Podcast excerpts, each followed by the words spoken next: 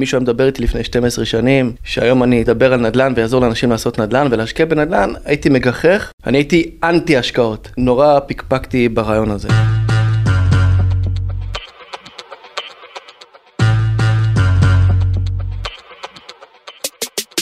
שלום לכם, מה קורה? אני גיא ליברמן, עורך הנדל"ן של עיתון גלובס, ואתם מאזינים לפרק השישי בסדרת הפודקאסטים כסף בקיר. סיפורים על אנשים שהחליטו להשקיע את הכסף שלהם בנדל"ן. היום אנחנו עם אלחנן מגידוביץ', דוקטור מגידוביץ' בשבילכם, או בשמו האינטרנטי, גורו נדל"ן. אנטי השקעות, מפקפק, מה שהתחיל בהשקעה על הדרך של דירה מיושנת בבאר שבע, הפך כיום לעיסוק המרכזי שלו. קחו כמה דקות ובואו תשמעו איך הוא עשה את זה. מתחילים! זה למעשה התחיל אה, לפני 12 שנים, כשאני הייתי כבר נשוי, הייתי סטודנט לתואר אה, שני עם ילדה, ורצינו דירה כמו כל זוג. גם אז, במחירים של לפני 12 שנים, לא היה לנו מספיק כסף לקנות איפה שאנחנו רוצים. כשספרנו את הכסף ואת החסכונות, הבנו שאין סיכוי שנקנה במרכז הארץ, וחשבתי מה אני עושה. בעקבות שיחה עם חבר שהוא היה משקיע, הבנתי שאולי אופציה טובה היא לא לקנות uh, את בית חלומותיי, אלא אולי בינתיים, uh, נקרא לזה, לשים את הכסף בתוכנית חיסכון נדל"נית. מכירים את זה כשאתם חושבים על רעיון, מחליטים שהוא אפילו טוב, אבל לא עושים עם ההחלטה שלכם כלום? אלחנן ואשתו החליטו והלכו על זה ממש. את הדירה הראשונה קנינו ממש ליד האוניברסיטה, דירה שעלתה ממש ממש זול, היום המחירים ממש לא מייצגים, וקנינו אותה אז ב-240 אלף שקל. זה היה המחירים של דירות בבאר שבע של שלוש חדרים, שהושכרה ב-2,000 שקל לחודש. אנחנו מדברים על שכונה ב', שכונה שגם היום יחסית נחשבת לשכונה טובה מבין השכונות שעוטפות את האוניברסיטה. ואז קרה משהו מאוד מאוד מעניין. חודש ראשון הזכרנו את הדירה וקיבלנו 2,000 שקל. חודש שני הזכרנו את הדירה וקיבלנו 2,000 שקל. בחודש השלישי נפל האסימון. אמרנו, יש פה משהו מעניין. ואז דיברתי עם חבר שלי, אמרתי לו, תשמע, אתה מתעסק בנדל"ן, אבל אני רואה שנכנס פה כסף, אה? אני רוצה עוד מזה. ואז הוא ככה התחיל קצת לספר לי יותר לעומק, ואני גם חקרתי. תוך חצי שנה מאז הדירה הראשונה, כבר היו לי עוד שתי דירות. בניגוד לרבים וטובים, נראה שלאלחנן אין בעיה להודות בטעות. את הדירה הראשונה הוא רכש ללא מימון חיצוני. הכל מחסכונות וסיוע מהמשפחה. לדבריו, זה היה צעד ממש לא נבון. אנחנו השתמשנו למעשה בכל ההון העצמי שלנו, שזה לא היה רעיון טוב. כי כשאמרתי לך מקודם שהיה לנו תוך חצי שנה שלוש נכסים, איך קניתי אותם? כי למעשה נגמר לי הכסף. וזאת הייתה טעות שהייתי צריך לתקן אותה מהעסקה הראשונה. בגלל שאז אפשר היה לקחת משכנתאות של 90 הבנתי שכל מה שאני צריך עכשיו לגייס זה 24 אלף שקל אם אני רוצה לקנות דירה זהה. 24 אלף שקל לארגן, אמנם זה נשמע סכום גדול, אבל אפשר לארגן אותו אם מתאמצים. גם אני וגם אשתי עבדנו דאז, קיבלנו מלגות מהאוניברסיטה, וממש תוך אה, חודשיים שלוש ארגנו את הכסף ששימש לנו מקדמה לנכס השני, כשבמקביל צריך לזכור, אני עוד מקבל 2,000 שקל כל חודש מהנכס הראשון. זאת אומרת אפשר להגיד שהמלגות שקיבלתם מהאוניברסיטה עזרו לכם לסדר את ההשקעות הראשונות. כן, אני יכול להגיד במאמר מוסגר שבאחת המלגות שזכיתי, שזאת אה, הייתה מלגה יוקרתית יחסית, בגובה של אה, טוב, אני לא אגיד אותה. מי שהעניק לי את המלגה שאל אותי מה אני הולך לעשות עם הכסף, זה היה כזה במעמד, בטקס, והיינו איזה עשרה אנשים בכל הארץ שזכינו במלגה הזאתי, וכל אחד ענה לו, אני הולך להשקיע במחקר, אני הולך לממן את זה, אני הולך אה, לנסוע לפוסט-דוק, וכשהגיעו אליי, שאלו אותי מה אתה הולך לעשות עם הכסף, אני אמרתי אני הולך לקנות דירות. אז uh, זה קצת הרים גבות שמה, אבל אני התכוונתי, מה חשוב שצחקתי, אני התכוונתי ברצינות, ואכן uh, קניתי דירות עם הסכומים האלה, בעיקר בעיקר הודות למינופים שאפשרו לי את הפעולות האלה. מינופים, אולי תסכימו איתי ואולי לא, זו מילה רומנטית למדי. באותה מידה, אפשר להגיד, לקחתי סכום קטן והלוואה גדולה. ועכשיו, לכו תשנו עם זה בלילה. כשאני שואל את אלחנן, הוא מודה שהיו לו לא מעט חששות. אין ספק שזה מפחיד. למה לא לקחתי משכנתה על הדירה הראשונה? למה לא קניתי דירה יותר יקרה? הסיבה היא, כי אני עוד זוכר בילדות שלי שההורים שלנו מסתודדים במטבח ומדברים ביניהם איך הם ישלמו את המשכנתה ורק מתפללים שיעברו 20 שנה, 25 שנה ושהמשכנתה הזאת כבר תיגמר. אני ראיתי בזמנו, בעסקה הראשונה, לא רציתי לשמוע על משכנתה. ראיתי בזה עול שאני לא רוצה להיכנס, זה מה שהפחיד אותי. וכמובן השתמשתי בכל הקלישאות הרגילות שהדירה לא תהיה שלי, הדירה היא של הבנק. כל האמרות האלה נבעו מחוסר הבנה. אני הבנתי יותר מאוחר שהבנק הוא למעשה יכול להיות שותף טוב. והוא שותף שקט. כל עוד הוא מקבל את התשלום החודשי שלו, הוא לא מטריד אותי במי הסוחרים, הוא לא אומר לי איפה לקנות, מה לקנות ובכמה לקנות. ושותפים כאלה הם שותפים טובים אתה יודע להתנהל איתם. לכן, אחרי העסקה הראשונה שהבנתי שבזבזתי, או נקרא לזה השקעתי את כל ההון העצמי שלי וזה עצר אותי כי כבר לא היה לי הון נוסף, הבנתי שהדרך לגדול תהיה דרך מינופים ומשכנתאות. זאת הייתה הדרך פעולה. היום לקנות דירה ב-240 אלף שקל נשמע דבר די דמיוני. אבל אלחנן מעיד על עצמו שאלו המחירים ששילם, מה שארגן לו עוד מספר דמיוני של 12 אחוזי תשואה שנתית. ברור שהיום אין דברים כאלה, אבל אלחנן חוזר אחורה ומסביר את ההחלטות שקיבל כשהבין את הפוטנציאל. הדירה הראשונה הביאה לי 12%. הדירה השנייה גם כן אותו סדר גודל, התשואה הגולמית גם כן הייתה 12%, אבל יש לי משכנתה.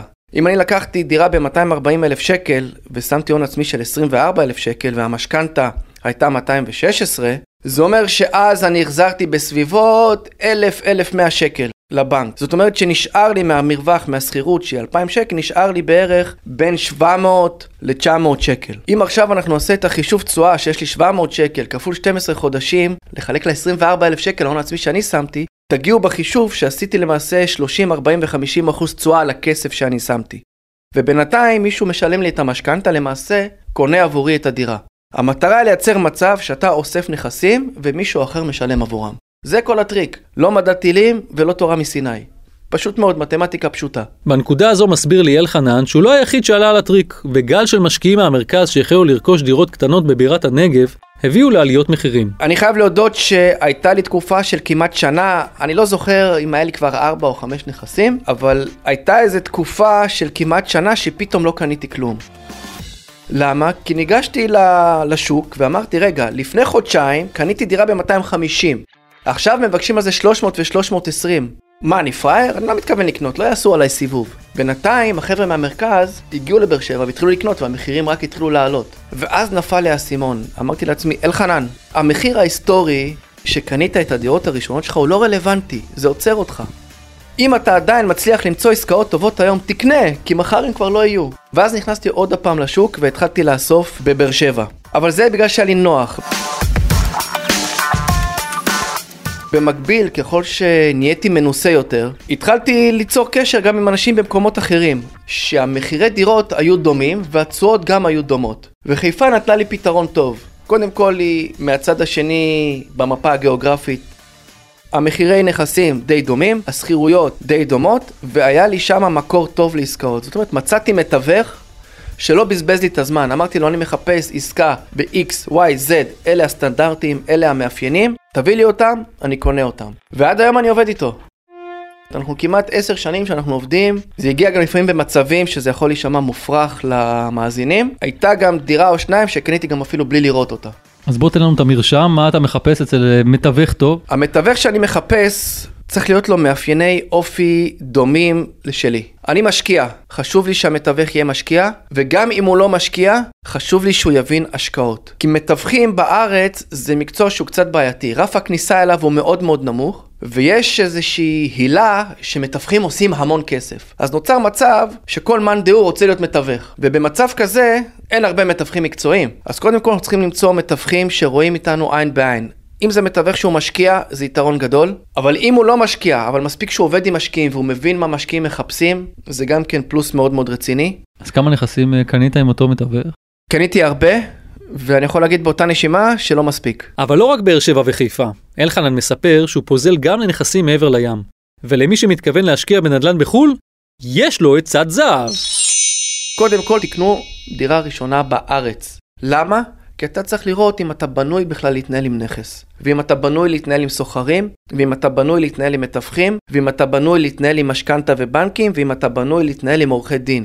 השקעת בארץ והצלחת וראית שזה טוב לך ונחמד לך, יופי, תצא לחו"ל. דיברתי עם כמה משקיעים לאחרונה שהתראיינו אצלנו פה בפודקאסט ושהמליצו לצאת להשקעות בחו"ל כי בישראל ההשקעות בנדל"ן כבר לא רווחיות. עמדתך. לבוא ולהגיד שהשקעות נדל"ן בישראל הן לא רווחיות, זה אמרה כללית מדי.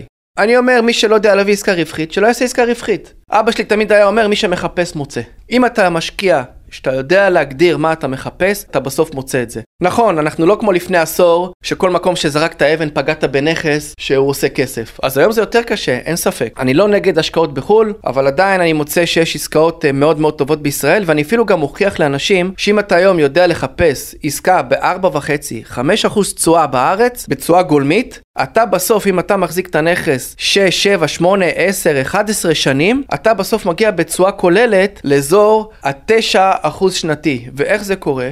כי אם אתה מסתכל על ניתוחי עסקאות של 50 שנה אחורה, רואים שקו המגמה עולה כל שנה ב-2%, והוא עולה ב-2% בשיטה של ריבית דריבית. זאת אומרת, אם אתמול, שנה שעברה, הנכס עלה ב-X פלוס 2%, שנה הבאה הוא עולה 2% על ה-X פלוס 2% הקודמים שלך. זאת אומרת שיש כאן עליית ערך לאורך השנים שהיא זוחלת למעלה, בממוצע של 2% לשנה, ואם אתה מחזיק את הנכס לאורך זמן, אתה מבין שאוקיי, אתה עושה תשואה של 4-5%, אבל גם הערך של הנכס עובד בינתיים. ובסוף שאתה מממש, אתה מבין שהגעת בתשואה שנתית לאזור ה-9%. וזה מה שמדהים והרבה אנשים לא מבינים את זה. מזה שבע שנים שאלחנן מתחזק בלוג בשם גורו נדל"ן, שבעבר נקרא נדל"ניסט בדרכים. שם הוא משתף בחוויות ההשקעה שלו. בהתחלה הוא כתב באופן אנונימי כי לא ממש רצה לחשוף בפני הסביבה הקרובה שלו את העיסוק האינטנסיבי בנדל"ן. אלא שעם הזמן הכל נעשה בגלוי. כשאני סיימתי את הדוקטורט כבר היה לי כמה נכסים והייתי מנהל פרויקט בחברת סטארט-אפ. ומה שקרה, בתור מנהל פרויקט בחברת סטארט-אפ, יש עליך המון המון לחצים ואתה עובד נונסטופ. אני הייתי יוצא בשש וחצי בבוקר מהבית, חוזר בתשע בערב, הייתי מגיע, הבת הקטנה שלי הייתה ישנה בבוקר כשאני יוצא, וישנה בערב כשאני חוזר. לאחר ארבעה חמישה חודשים, הבנתי שזה לא החיים שאני רוצה. ואז ישבתי בבית חודש, חודשיים, שלוש, ולא היה לי מה לעשות. התחלתי להשתעמם. אבל מה שקרה באותה תקופה, זה שנפל לי עוד אסימון. ראיתי שאני יושב בבית, אבל הכסף שלי מהנכסים נכנס. זאת אומרת, אין כל הלימה בין שעות העבודה שאני משקיע לכסף שנכנס לי מהדירות.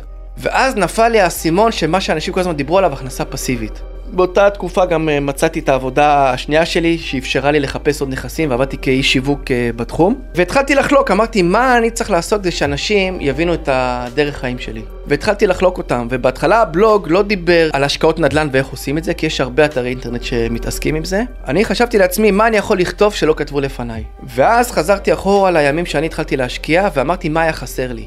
אני נורא פחדתי כשהשקעתי בעסקאות הראשונות שלי. הפחד לפעמים גם מנע ממני לעשות עסקאות. ואמרתי, אוקיי, אני אכתוב על הפחד.